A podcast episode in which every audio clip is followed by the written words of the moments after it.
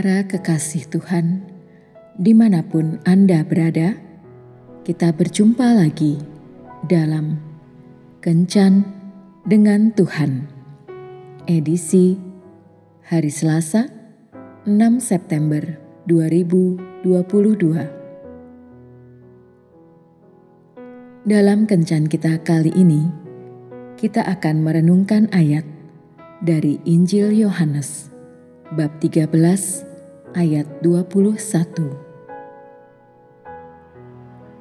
Setelah Yesus berkata demikian, ia sangat terharu, lalu bersaksi, Aku berkata kepadamu, sesungguhnya seorang di antara kamu akan menyerahkan aku.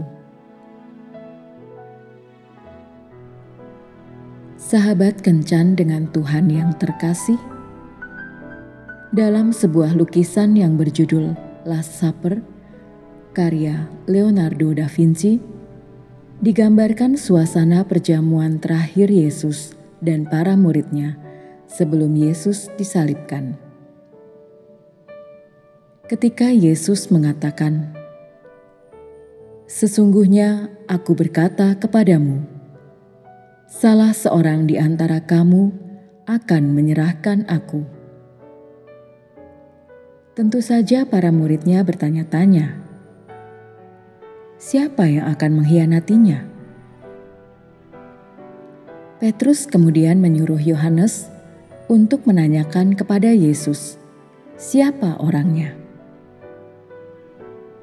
Namun secara tidak langsung, Yesus menyatakan bahwa pengkhianat itu adalah Yudas.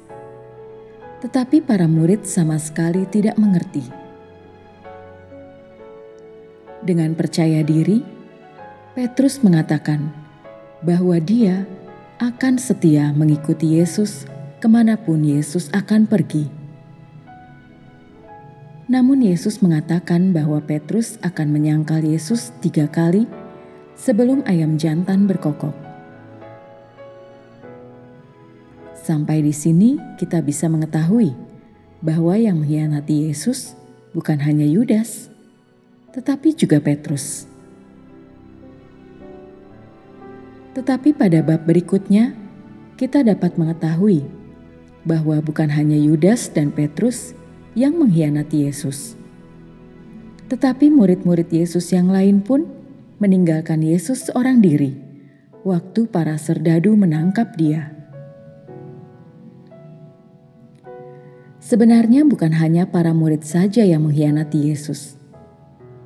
Kita, sebagai pribadi yang percaya kepadanya pun, sering mengkhianati Dia. Kita memuji dan memuliakan Yesus dalam ibadah-ibadah di gereja, tetapi kita pun terus jatuh bangun di dalam dosa dan tidak setia menjalankan perintahnya. Yesus pernah mengatakan, kamu adalah sahabatku, jikalau kamu berbuat apa yang kuperintahkan kepadamu. Yesus bukan hanya menjadikan kita sekedar seorang pengikutnya saja, namun dia mengangkat kita menjadi sahabatnya. Karena itu, alangkah kejamnya kita jika kita mengkhianati dia hanya karena kita tergiur oleh kenikmatan dosa yang jelas-jelas menghancurkan hubungan kita dengan Yesus. Oleh karena itu, marilah kita segera bertobat dan memperbaiki hidup kita.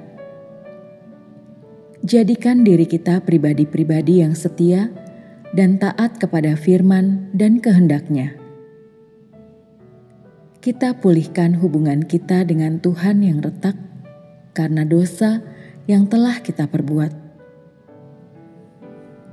Tuhan menanti kita dengan sabar. Dia ingin kita kembali ke pelukannya.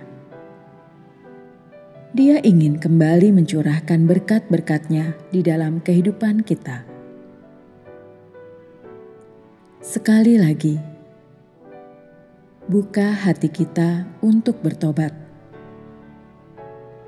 Bagaimanapun keadaan kita saat ini, Tuhan bersedia untuk mengampuni dan memulihkan hidup kita, asalkan kita mau kembali kepadanya. Tuhan Yesus memberkati. Marilah berdoa. Tuhan Yesus, ampunilah aku karena aku sering mengecewakan Engkau dengan dosa-dosa yang aku perbuat. Jamahlah hatiku dan ubahlah aku menjadi baru. Amin.